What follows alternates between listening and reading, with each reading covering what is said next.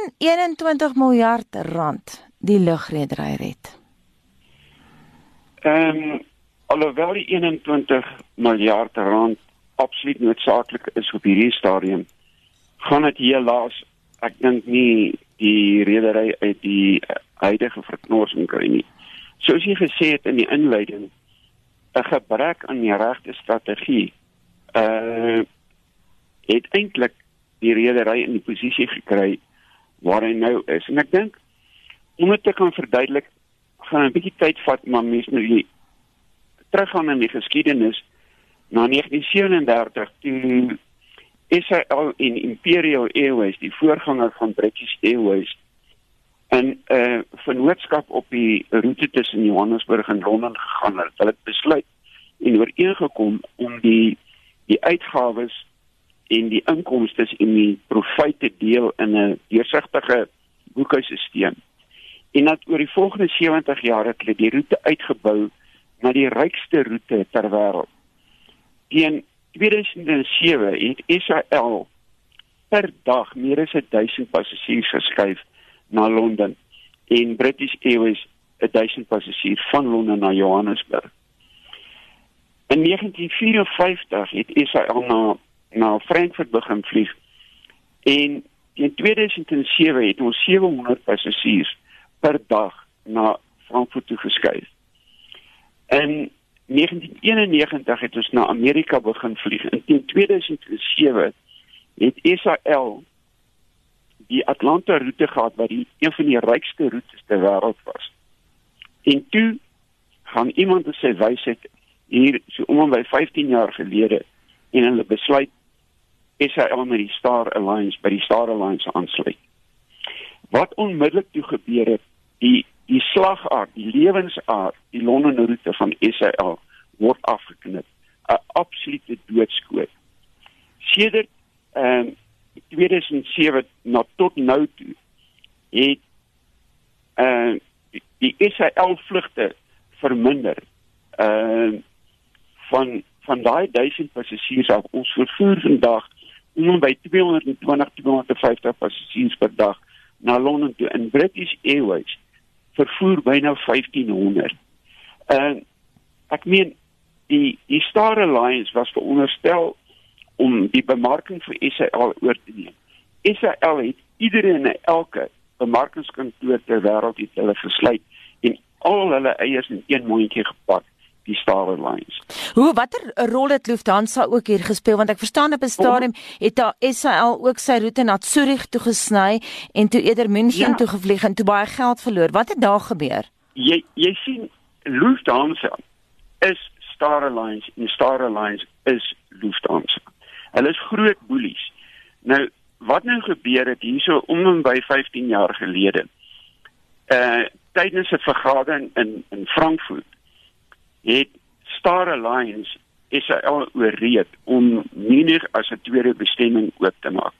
Ek het in my tyd by SAL was ek deel gewees van twee pogings om Munich oop te maak as 'n bestemming en dit het nie gewerk nie. Hier kom Star Alliance, hulle oorreed SAL om Munich as 'n tweede bestemming oop te maak. En by die vergadering toe hulle die ooreenkoms teken, dieselfde vergadering daarna, dis hulle ja, maar Zurich is in dieselfde voedingsgebied in as Munich. As hulle Munich wil laat werk, moet Israel Zurich toe maak. Dit was nie 'n maand later toe koop Lufthansa 'n 50% aandeel in in uh in, in Swiss en hulle begin toe Israel toe maak die dag toe begin Swiss hier met 'n daaglikse vlug na Johannesburg toe waar uh, Lufthansa 50% aandeel het. En so kan ek aangaan. Die die dit was 'n absolute doodskoot toe die SAL Star Alliance uh, uh, aangesluit het. Die die Atlanta vlug wat een van ons ons rykste roetes was. Ons was verplig deur die Star Alliance om te skuif na 'n Star Alliance hub toe.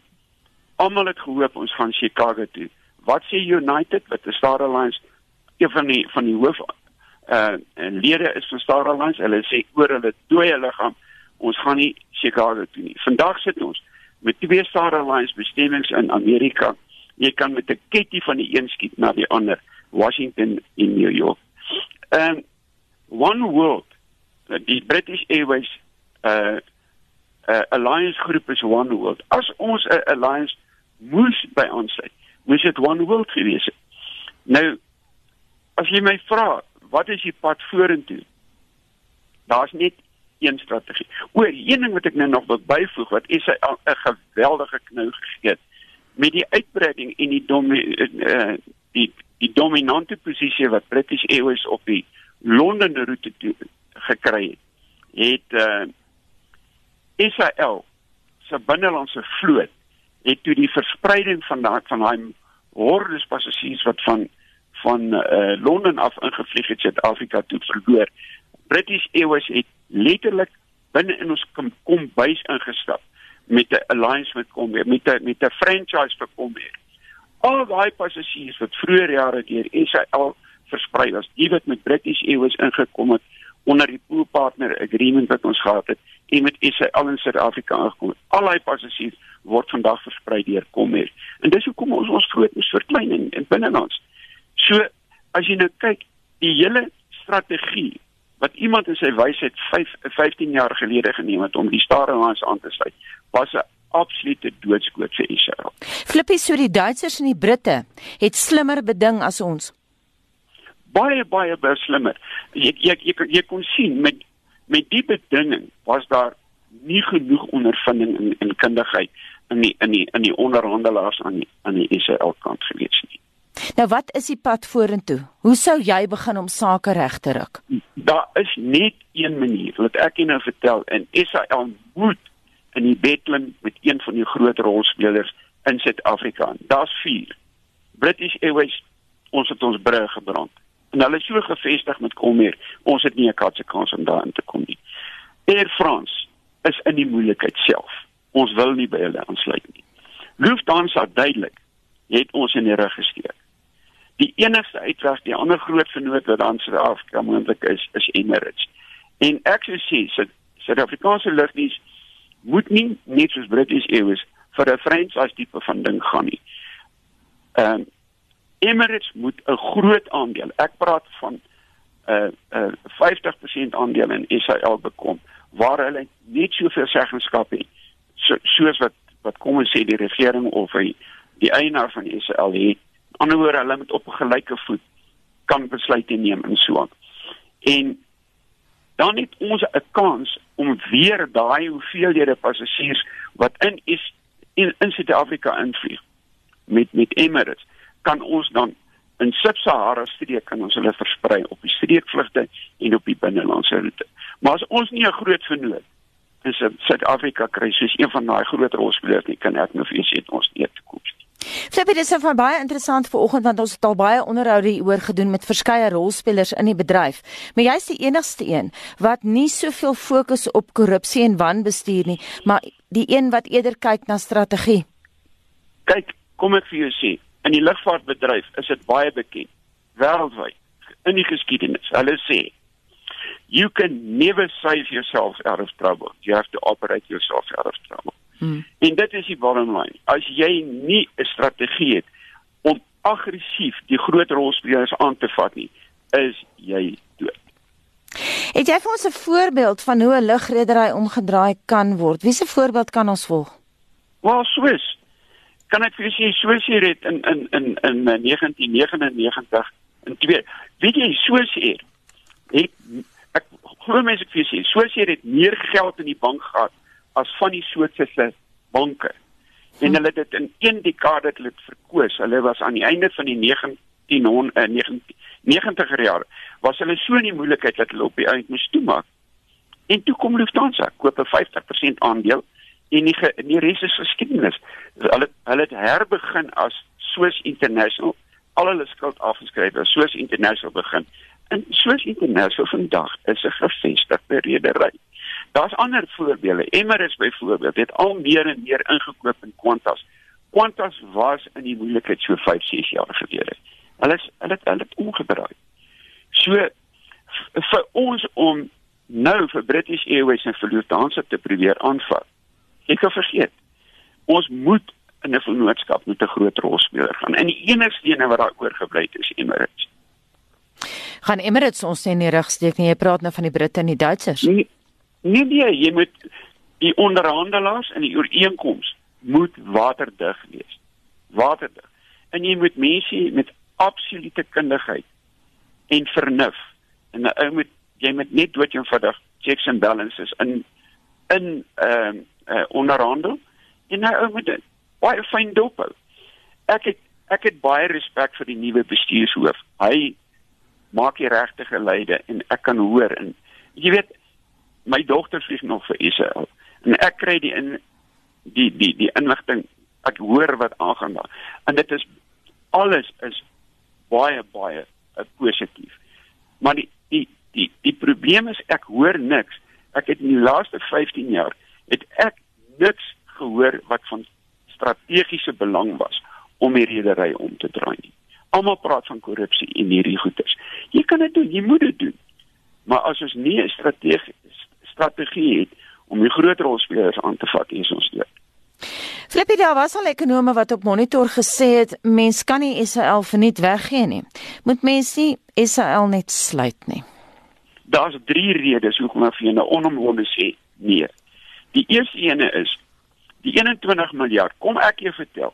As Israel môre sluit, die geld die die inkomste wat gaan uitvloei na buitelandse rederye want hulle gaan nou met buitelandse rederye vlieg. Die bedrag alleen wat aan kaartjie inkomste verloor gaan word wat in die buite na die buiteland toe vlieg, gaan ver meer wees as 21 miljard rand. Dis dis die eerste ding. Die die die tweede ding wat 'n mens nie moet vergeet nie, daar is ek dink die laaste syfer wat ek gehoor het, min of meer 11000 baie entoesiastiese, hardwerkende, loyale werk uh nemers by Israel wat hulle bes probeer om dit ding te laat maak werk. Wat die slagoffers is van die besluitnemers wat nie 'n behoorlike strategie het nie. Wat ek dink 'n kans verdien. Ons kan hulle nie net op straat sit nie.